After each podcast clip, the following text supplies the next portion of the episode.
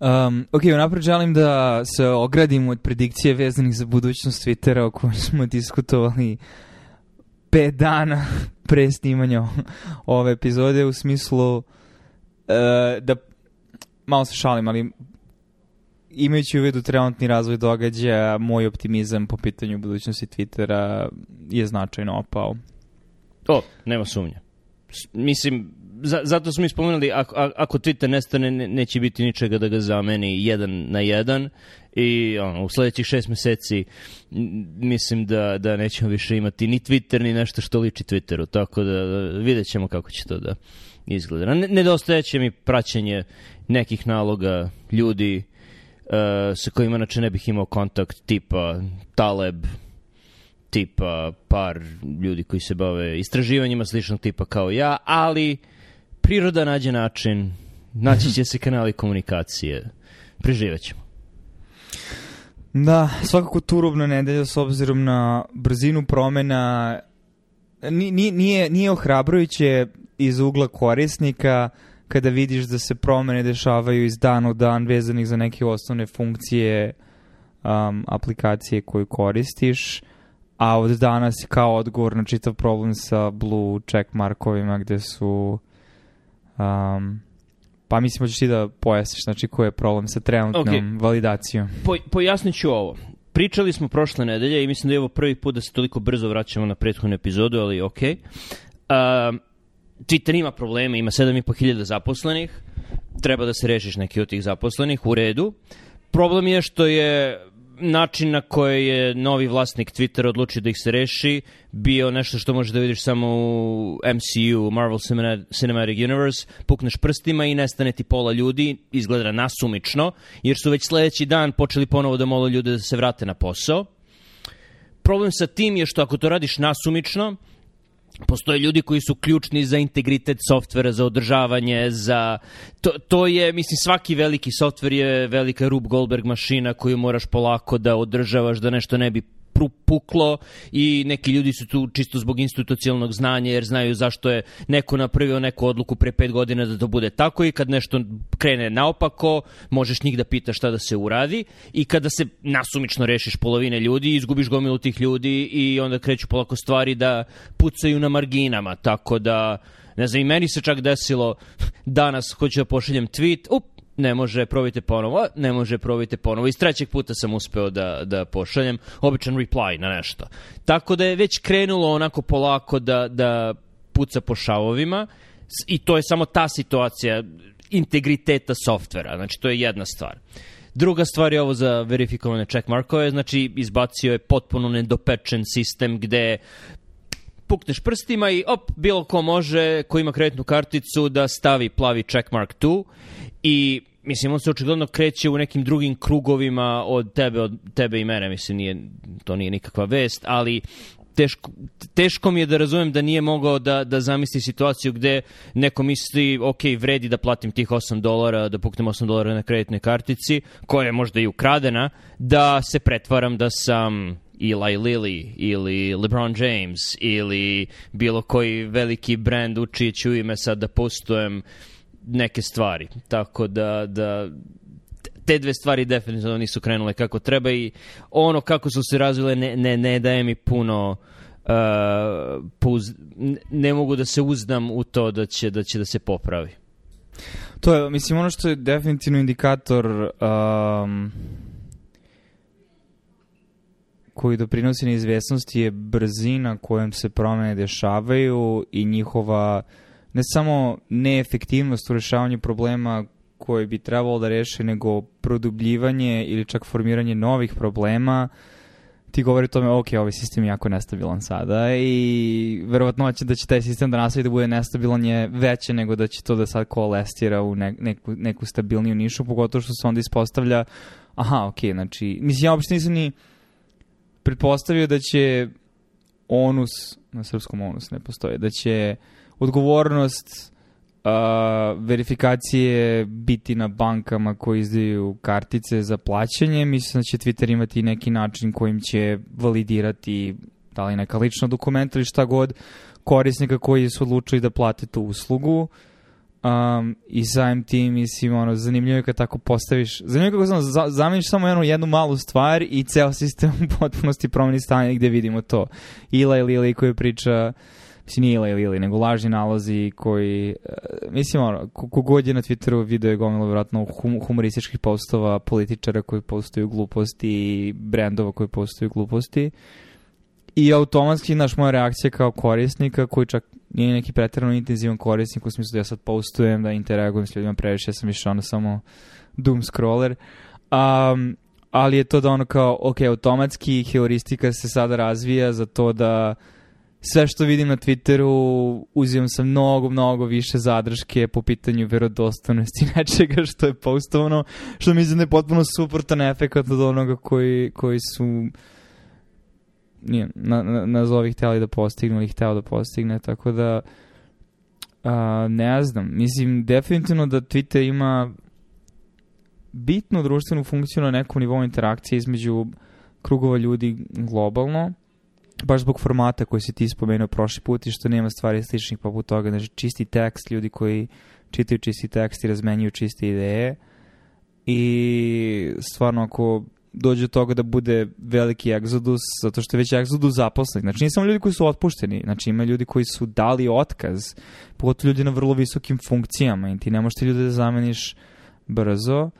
Naravno, mi sad ne znamo šta se dešava u pozadini svega ovoga i ako ništa do, drugo, mislim ono, silver lining, kao pozitivna stvar u svemu tome što vidim da ljudi i dalje na Twitteru postoju stvari koje se direktno tiču e, Musk je poslao ovaj mail svojim zaposlenima danas. Ili a, pouzdan izvor nam javio, tako da ako ništa drugo novine mogu da pišu o propadanju Twittera iz pouzdanih izvora na samom Twitteru uh, što New York Times sigurno ne bi mogao da publikuje članke o stvarima koje se dešavaju unutar samog New York Timesa.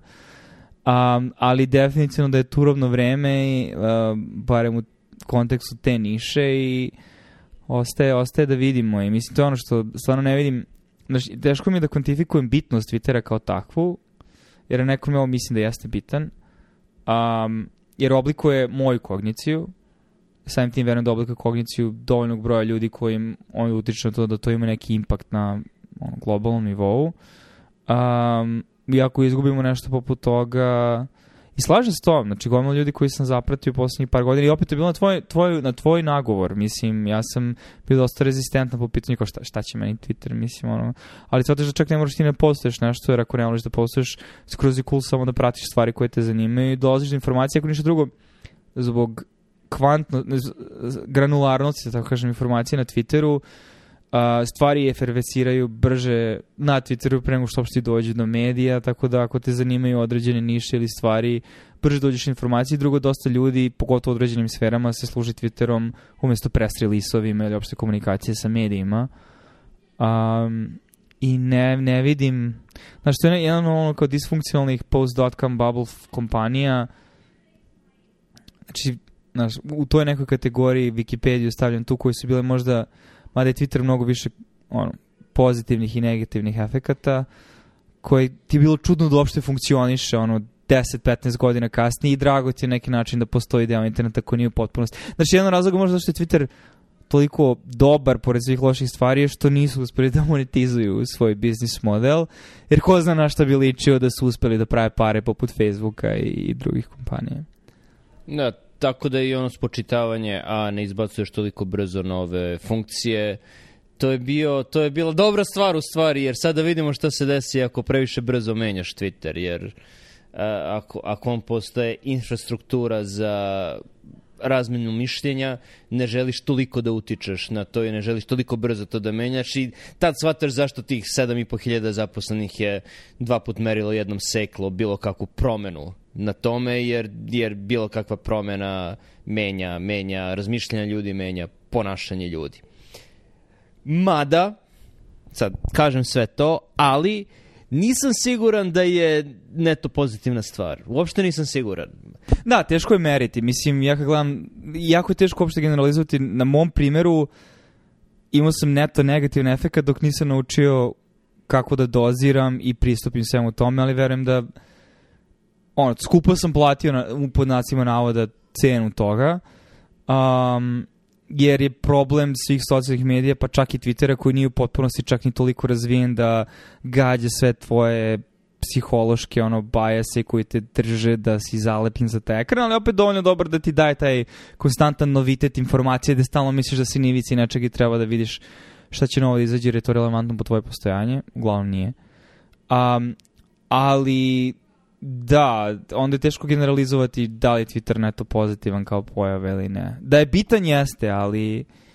Jeste bitan, ali je suprotan uh, stotinama hiljada godina, dobro nije stotinama, par stotina hiljada godina ljudske evolucije i razvoje ljudi u društvu i interakcije ljudi jednih sa drugima, jer potpuno menja hijarhiju i hijarhija više ne postoji i sjajna stvar i užasna stvar je što može bilo ko da pošalje tweet uh, bilo kome. I ako si neko koji je ono normalniji pod navodnicima uh, i poznaci imaš milion pratilaca i neki anonimus ti pošalje tweet i ćeš to ignorisati ali ako si Elon Musk koji ima sredstava da kupi Twitter i ne, nešto mi se čini da je on kao Weird Al Jankovic je još jedna poznata ličnost koja čita svaki spomen i odgovara na sve. Na primer, mislim, to je jednostavno tip ličnosti i Elon Musk izgleda da je tip ličnosti koji je čitao sve i odgovarao na sve i njemu je u glavi tweet bilo koga bio ekvivalentan i onda vidiš koje to probleme stvara ljudima i kakve psihičke, psihičke traume stvara ljudima. Mislim, tako da, da Mislim, mislim da je generalno neto negativan. Tako da, unapred se radujem... Uh, sumnjam da je ovo tačno, ali unapred se radujem uh, novom procvatu blogova i, i dugih tekstova po internetu i nezavisnom internetu koji će da, da, da nikne nakon pada Twittera. Haha, mislim da se neće desiti, ali mogu da se nadam. No. Mislim, ovo me malo naginje ka temi koju sam procesiram, tako da nadam se da ćeš mi dati malo no, a, razumevanja. A tiče se stvari, opet, koje konzumiraš kroz socijalne medije, u ovom slučaju to je bio YouTube, ali zanimljivo, znači, stalno se vraća na Vervekija i cool stvar koju on radi je da stvarno priča sa mnogo ljudi i ti klipovi često nemaju ni nešto pretrano view nego i ono priča sa nekim kognitivnim naučnikom, filozofom, teologom, uh, ljudima iz totalno drugih branči koji su mu prišli i vremenom se taj kanal puni različitim dijalozima. Ako on ima neku veštinu, to je stvarno da jako dobro može da moderira dijalog i da učini da se ljudi osete bezbeni, da mogu potpuno da istraže i onda se nađeš u toj situaciji da zajedno istražuješ neku stvar. I skoro sam gledao, postovaću link, um, nisam još ni završio stvari trijalog, da tako kažem, između tri lika. Drugi od njih je Jonathan Peugeot, koji je kanadjanin, francuski kanadjanin, koji je u stvari pravoslavac, koji se bavi um, rezbaranjem ikona pravoslavnih, ali u isto vreme vrlo teološki, filozofski potkovan i njegov brat je na, između ostalog napisanu knjigu koju smo gledali, Language of Creation, koji je teolog. Um, I još jedan lik, Jordan Hall, koji je ono, više neki tech lik, ali on je bio intermedijer. Um, ali se dotakli teme koje se provlači u kognitivnoj nauci to je definitivno definisano i psihologiji kao pojam, a mislim barem Vrveki to definiše kao superagente. Um, u nekim teološko-religioznim uh, kontekstima, znači to su ono, spirit, kao duh nečega, ali to je znači taj element distribuirane kognicije koju mi imamo kao vrsta, gde smo sposobni da kroz jezik kao alat delimo um, razmišljenja kroz dijalog i međusobnu interakciju i mislim, nadam se da vidiš kuda ovo vodi vezano za Twitter, gde nismo ni svesni da sudelujemo, često nismo svesni da sudelujemo u stvarima koje su veće od nas samih. Jer te stvari ono, koliko su bottom up, znači koliko ti utičeš na to, toliko top down se formiraju pravila, dekorumi. Tako da, primjer toga isto, ideš u određenu školu, deo si tima košarkaškog u toj školi i sad taj tim ima svoj određeni identitet i vi imate, idete ka nekom višem cilju ili recimo radiš u nekoj instituciji, ta institucija ima svoju misiju i cilj, tako da nije tada institucija fizički postoji u prostoru, ali ima efekte na fizički svet kroz manifestaciju interakcije organizovanog ponašanja svih ljudi u tom sistemu koji egzistiraju na određenom kontinuumu, ali su dovoljno skladni da to ti vidiš kao neki entitet. Mislim, primjer je i nacionalni tim i publika koja ga prati na, ili sad si ti bio na NBA utakmici, znači ti popremiš karakteristike, navijaš za određen tim, ima određen cilj i svako ima svoju ulogu u tom sistemu. Um, tako da Twitter je definitivno jedan od primjera stvari koje su nadošle tehnološkom mogućnošću koja ima karakteristiku toga, znači niko nije na neki način izvor Twittera ili vlasnik Twittera ili znači to su samo ono povremene klasteri koji se formiraju oko ideja koje se međusobno propagiraju. Ono što Twitter u velikoj meri oblikuje jesu sami algoritmi koji determinišu koje će stvari isplivati i koje neće i onda je to sad možda drugo pitanje koliko to utiče na našu kogniciju jer definitivno stvari poput Facebooka su mnogo gori po tom pitanju. Um, ali barem ta konverzacija ja trebamo da se zapitam na, kroz ogledalo toga naš da opasnost nerazumevanja i neidentifikovanja tih stvari kao nekog načina bivstovanja van tvog samog bisičkog bića o kome opet ti učestvuješ um, je to da to može sve te ponese i zanese i da te ubaci u mode možda budeš izmanipulisan, mislim, u neku ruku. Mislim. Ne samo da si izmanipulisan, nego ti budeš negativac, a nisi ni svestan da si negativac i da praviš štetu ljudima. Tipičan primer je uh, ljudi koji, koji nabadaju i uh, prevedi mi na srpski, pile-upuju se na, na glavnu osobu na internetu. Tovare, tovare. Tova, da, ok, tovare. Na, na, jel se kaže tovare se ili tovare na glavnu osobu pa, mislim, na internetu? Pa mislim u srpskom tovare možda malo semantički pomerenije više kao kada zezaš nekog, pa kao ekipa ljudi tovari jednu osobu nečim. Da, znači tovare glavnu osobu na internetu. Meni je bilo, na, naročito kad je ta glavna osoba na internetu, kad Sećam se pre godinu dana prošlo je kad smo pričali, a Omnibus je mnogo dobar podcast. Bukvalno šest dana nakon toga je John Roderick postao Bean Dead na Twitteru gde su svi počeli da pljuju po njemu. I onda vidiš, čekaj, otkud ovo, šta je ovo? Sad iskopavate tweetove od pre sedam godina, izlačite ih iz konteksta da bi pokazali kako je on loša osoba zbog radi čega, znači potpuno bizarno ponašanje i onda nekih naloga koje si pratio do toga i mislio, hej, ovo su racionalni ljudi, ali ne, vidiš taj, taj vektor koji se kreće ka... Obuzme ih duh, mislim, to je religiozni način da to iskažeš. Da, apsolutno, obuzme ih duh, kao što je mene sinoć uh, obuzeo duh uh, ok, živim u Washingtonu, sad navijam za Wizardse, jako su igrali protiv Mavericksa, a mi smo kao nominalno došli da gledamo Luku Dončića. Ne, apsolutno sam u bu. Svaki put kad je bacao slobodno bacanje, mislim da nikad nije lošije bacao. Naravno, zbog toga što sam ja urlikao dok je on, dok je on bacao, naravno. Tako da apsolutno znam i zato mislim da je profesionalni sport u stvari jako dobra stvar, jer izbaci taj, taj tu potrebu za, za ulikanjem i pos, potrebu da, da budeš deo mase izbaci iz tebe i onda možeš ostatak života da provodiš uh, ne kao deo mase nego kao jedinka.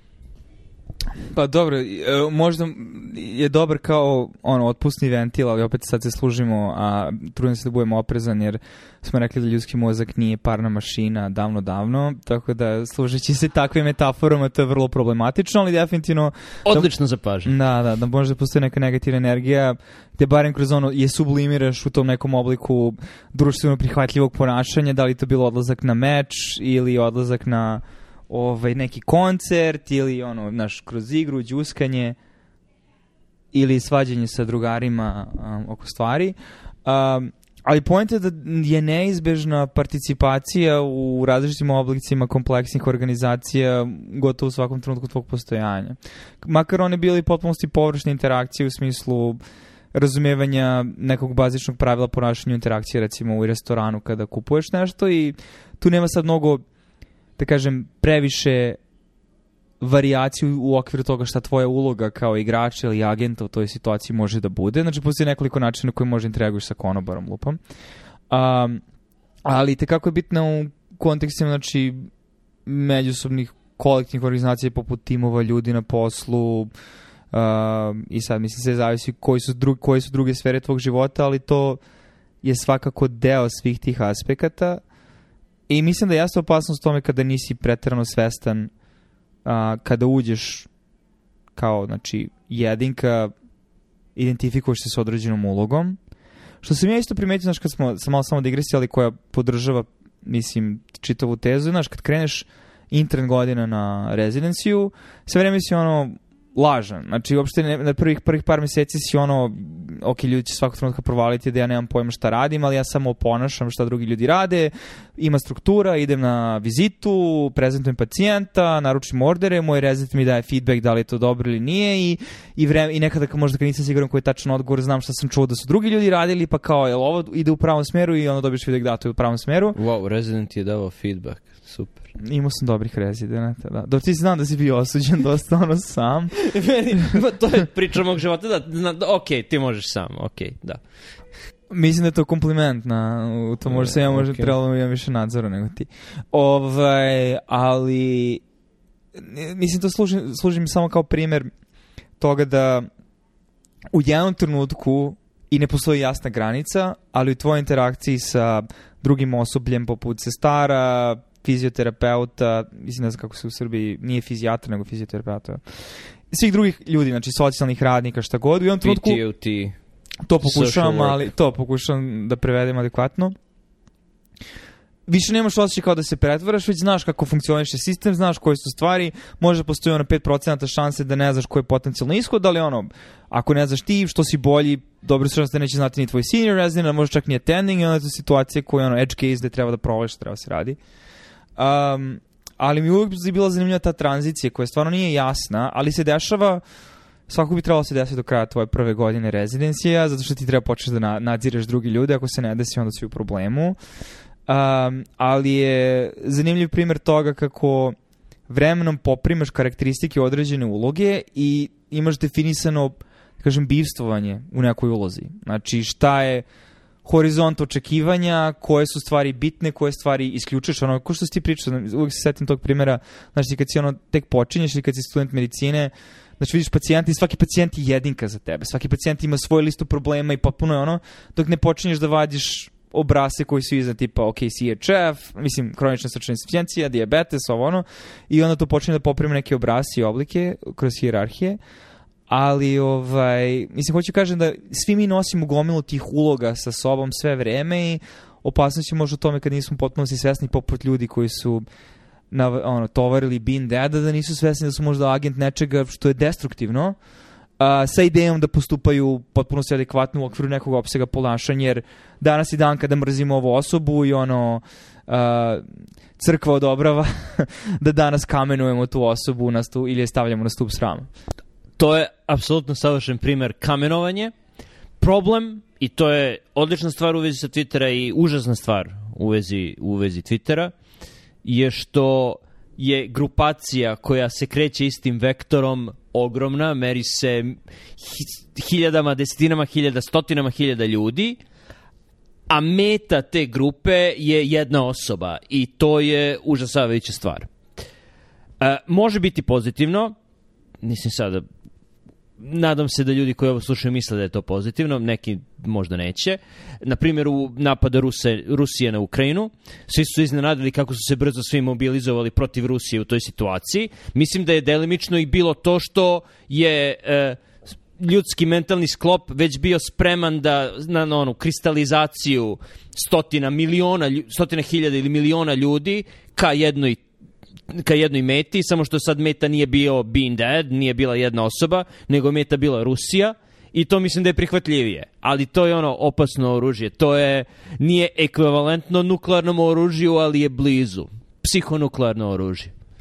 Pa da, i ta teza ono da je ovaj rat u velikoj meri ono, i, i informativni rat, koji nije samo, mislim, ono, razmena informacije između obaveštenih službi, šta god o pozicijama i snagama u kom trenutku se ko nalazi. Znači ne samo u strateškom smislu, nego u smislu oblikovanja javnog mnjenja, um, a onda stvari koje idu u prilog toj tezi, pogotovo stvari koje nekada primetiš kao da odskaču možda nečega što bi ti očekivao da se dešava u nekoj situaciji koja je možda bila smislenija u nekom prošlom vremenu. Uh, je to razumeš što očigledno je da predsednik Ukrajine ima PR tim koji je i, i očigledno nosi istu odeću i, i postoji čitava slika koja stoji iza toga i onda ti to govori da je to bitna stvar, znači da nije nebitna stvar. Jer čim postoji neki trud koji je uložen u to, znači da to neko radi, barem ta tim ili osoba ima ideju da je ovo bitno, A zašto je bitno? Pa bitno je zato što se formira određena slika u javnom mnjenju, a, glavama ljudi koji konzumiraju te sadržaje kroz fotografije ili videoklipove ili tekstove koji im dolaze do njih putem društvenih mreža. Um, tako da to je, to je taj sad kao da je drugi nivo. Ali ne znam, da, mislim, zeznuto je to što je to stvarno super stimulus. Mislim, to što si rekao, hiljade, znaš, mi nismo, mislim, ono, otko znam zašto smo mi evoluirali i svakako da kognitivno imamo kapacitete za široka, mislim, čitava industrijska revolucija je jedan veliki test na to na što smo sve spremni da se naviknemo. Navikli smo se da sedimo 8 sati u zatvornom prostoru ispred ekrana, znači imaš trade-offove, ok, lošio si formi, debeo si, moraš da ideš u teretanu da bi ono, izbalansirao sve to. Hej! Ali... ok. Ja sam debel. Um, ali, ovaj, sa druge strane, mislim da, i to je sad taj moment, malo digresijalni film Eighth Grade, ne znam da si gledao Bob Burnhama. Ne još, ali na spisku je gledat ću Dobri sa- film, barem zašto je komentar baš toga kako deca reaguju na sve to, jer ljudski nekako da, znaš, imamo taj ono negativity bias, to jest ono stvari koje su negativne, mnogo više im dajemo težine nego pozitivnim stvarima, tako da ako imaš 100 dobrih komentara, od tih, uh, i recimo da su dva negativna, ti ćeš mnogo više energije i truda i emotivnog svog života dati tim negativnim komentarima nego stotini pozitivnih. To je apsolutno razlog zašto tokom kratkog perioda kada su se stvari koje sam ja pisao objavljivale široko, nikada nisam čitao komentare. Ma, mada si mi ti i, i još neki ljudi pričali o komentarima, apsolutno me nije interesovalo. Nastavi. Da, ali nema svako snagu te volje, zato što mislim svako je drugačiji, ima drugačiji karakter, drugačije reaguje na sredinu, drugačije to interpretira to što se rekao, znači imaš i Weird, Weird, Al Jankovića koji odgovara na svaki komentar, znači nekim ljudima je to bitno očigledno, ili nekim ljudima su osjetljiviji na tu vrstu feedbacka, da tako kažem. Um, ali da, znači poenta je što smo sad u jednom eksperimentu gde ne znamo koliko smo baždareni da se nosimo sa tim stvarima i znaš, ljudi i to je sad malo zjaznuta interpretacija, pogotovo ljudi koji su prisutni na društvenim mrežama, ono, nazovi content kreatorima, što god na YouTube-u i naš čita taj burnout koji je vezan za sve to, ono, sagorevanje. Uh, kao, a da, da, da, kao sagoreo si, ali napravio si stotine hiljada, milione dolara, kao, koga briga, kao, ajde, kao, briši suze svojim parama. Ok, razumem, ali drugo nije interpretacije da karijera youtubera recimo je relativno kratka u odnosu na druge profesije koje smo istorijski imali i da ima nečega tu što nije samo juranje algoritma na YouTubeu da bi konstantno ono imao dovoljno prihoda zato što se boriš sa time što algoritam tog dana bira da se stavi na vrh, nego ima veze i sa tvojim psihičkim zdravljem toga da li imaš neke ljude koji postavljaju negativne komentare koje onda i tekako utiču na tvoje samopoznanje, viđenje sebe u svijetu i tako dalje. Tako da nismo spremni na sve te veze, sa tim se slažem. Um, ali kako onda kultivisati pozitivnije veze i da li postoji društvena mreža koja će posle Twittera dođi, doći i rešiti te, te probleme, ne znam. Mislim, jel imaš ideju kako bi trebalo da izgleda takva mreža? Uh, imam, da. Uh, ta mreža zove se imati blog, ako hoćeš nešto da pišeš. Imati RSS čitač, tipa Google Readera, ako hoćeš da budeš onaj koji čita. Može da postoji neka interakcija između ta dva i znam da Dave Weiner, koji je izmislio RSS i koji je... Njegova politika je zanimljiva. Nije vidio, on je tipičan boomer, levičar, tako da ono malo, malo je... eh, kad, kad čitaš njegove komentare po pitanju politike, ali to je primjer osobe koja jako dobro zna svoj posao, ne moraš da čitaš komentare o drugim stvarima, mislim znamo drugi ljudi u medicini koji isto ono super znaju svoje polje, limfome, šta god, ali nemoj da slušaš šta misle o vakcinama protiv covid i druge, drugim stvarima. Uh, tako da Dave Weiner sad radi na tome da imaš nešto što je kao RSS čitač, ali istovremeno možeš i da ubacuješ novi tekst i to je neko preplitanje RSS-a sa društvenom mrežom i to mi je jako zanimljivo. Sasvim sigurno budućnost nije Mastodon ili ono, Fediverse i druge stvari koje su previše komplikovane ljudima za, za praćenje. Tako da, ono, Da, znači, mislim, stvar koja mi sada isplivava kao, i ne mora da bude tačna, ali neko potencijalni neophodan sastojak za uspešnost društvenog povezivanja koje će neto biti, ja to kažem, pozitivna, konstruktivna, šta god, je relativna nezavisnost ili potpuna nezavisnost od agregatora koji treba da prave pare na tome. Jer RSS nije pravio pare njemu, to je samo protokol, kao TCP IP ili bilo koji protokol. Uh, ono, hvala Google-u i hvala Apple-u za protokole za podcastove, to što su odlučili da učinite stvari... Isključivo Apple-u. Znači, protokol za podcastove je u stvari RSS, tako da, da je Dave Weiner odgovoran i za podcastove. Znači, da nije bilo njega, mi sad da ne bismo ovo radili. A hvala Apple-u što je direktorijum za svih podcastova ikada objavljenih učinio javno dostupnim i održava ga ono bez ikakve naplate. To je čisto njihova dobra volja, ali hvala i njima. Tako da je Dave Weiner izmislio infrastrukturu i tehnologiju, a Apple besplatno to održava. I onda tu stvarno možda dovodi onda to... Mislim, znaš, ne želim da budem pretrano ono kao a, decentralizacija, hippie, ono, Um, ali za neke oblike, pogotovo ako pričamo o autentičnosti, može to ono stvar, može to ono stvar na koju se sve svodi. Znači, verodostojnost dobro, koja može biti subjektivna, ti možda misliš da govoriš nečemu što je verodostojno, to bude laž, ali autentičnost, znači da ne bude modifikovana, a sad se vraćamo na jedno naših prethodnih epizoda, kako algoritmi, algoritmi modifikuju ponašanje ljudi na društvenim mrežama kada ostvare publiku i onda naprave taj feedback loop kao onaj, kako se zove, lik što jede ispred A, Niko Kado avokado. Da, da, Niko avokado, uh, koji jede ispred kamere, a počeo time što je svirao violinu i sad je morbidno gojazan i ima psihičkih problema.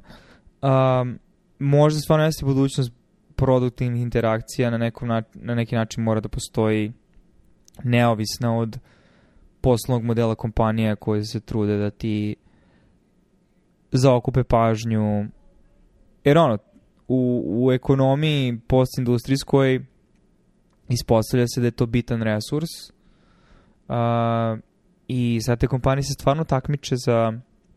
I ove se stvari jako teško kvantifikovati i kada pričaš njime, gotovo ono osjećaš kao ono, teoretično zavra šta god. Postoji više nivo interpretacije, ali koliko ljudi, recimo sada, odnosno na pre 10 godina, provodi više vremena na kompjuteru tokom svog radnog vremena, da bi trebalo nešto da radi, da stvaraju, da kreiraju, na društvenim mrežama koje im otimaju pažnju i prave pare tim drugim kompanijama, zato što ljudi koji se reklamiraju na tim sajtovima plaćaju pare tim kompanijama. Uh, uh, da to tebi kao konzumeru deluje benigno, jer kao, a, samo ću proniti Twitter u toku radnog vremena ili samo ću dodati da na Facebook toku radnog vremena, ne shvativši da ono, sve te stvari imaju kuke koje se trude da te zadrže tu što duže da bi pravio pare tim kompanijama. Um, tako da ne znam, mislim, nadam se eto da... Znači, on, I druga stvar je možda i taj element, mislim, ovo je drugi, drugi aspekt, ali taj element relativne anonimnosti, koji na internetu onda stvarno dozvolja ljudima da Znači, neke stvari koje ti nikada ne bih rekao ljudima u lice, a, koje bi im rekao iz anonimnog naloga na internetu. Pogotovo što mislim da jako je teško kao čovek, kao osoba, iskusiti ono, modelirati koliko tvoj negativan komentar može da utiče negativno na nekog, a pogotovo u trenutku kad te nešto obuzme, da osjećaš bes i opravdanost u svom tom gnevu, Um, iako možda si čak i sam iskusio te stvari na svojoj koži. I, i ta diskrepanca, ta asimetrija, mislim da u velikoj meri doprinosi asimet, uh, ne, nedostatku kvaliteta diskursa, gde se ljudi ponašaju kao gore verzije sebe. Da, dve stvari koje su uh, loše u vezi Twittera, ali u, koji u velikoj meri doprinose njegovoj popularnosti, tako da mislim da zbog njih, bez njih Twitter ne bi bio Twitter, su anonimni nalozi, pod jedan, i pod dva uh, retweetovanje i amplifikacija signala bez, ikakvo, bez ikakve cene. Znači, besplatna amplifikacija signala. Znači, sa te dve stvari kombinovane, uh, Twitter ono postane super mašina za, za uništavanje neprijatelja. Psihonuklearno oružje sa ta dva zajedno ali kada te dve stvari ne bi postojale, Twitter ne bi imao ono stotine miliona korisnika. Tako da, da Tako da i dalje mislim da, ok, hvala Ilonu Masku što je potrošio koliko desetina milijardi dolara sobstvenih para i bankarskih para pre svega. Mislim da nije on nešto brže sa svojih para to uložio. Da uništi Twitter i da nam pruži zabavu i temu za razgovor. To, veliko mu hvala.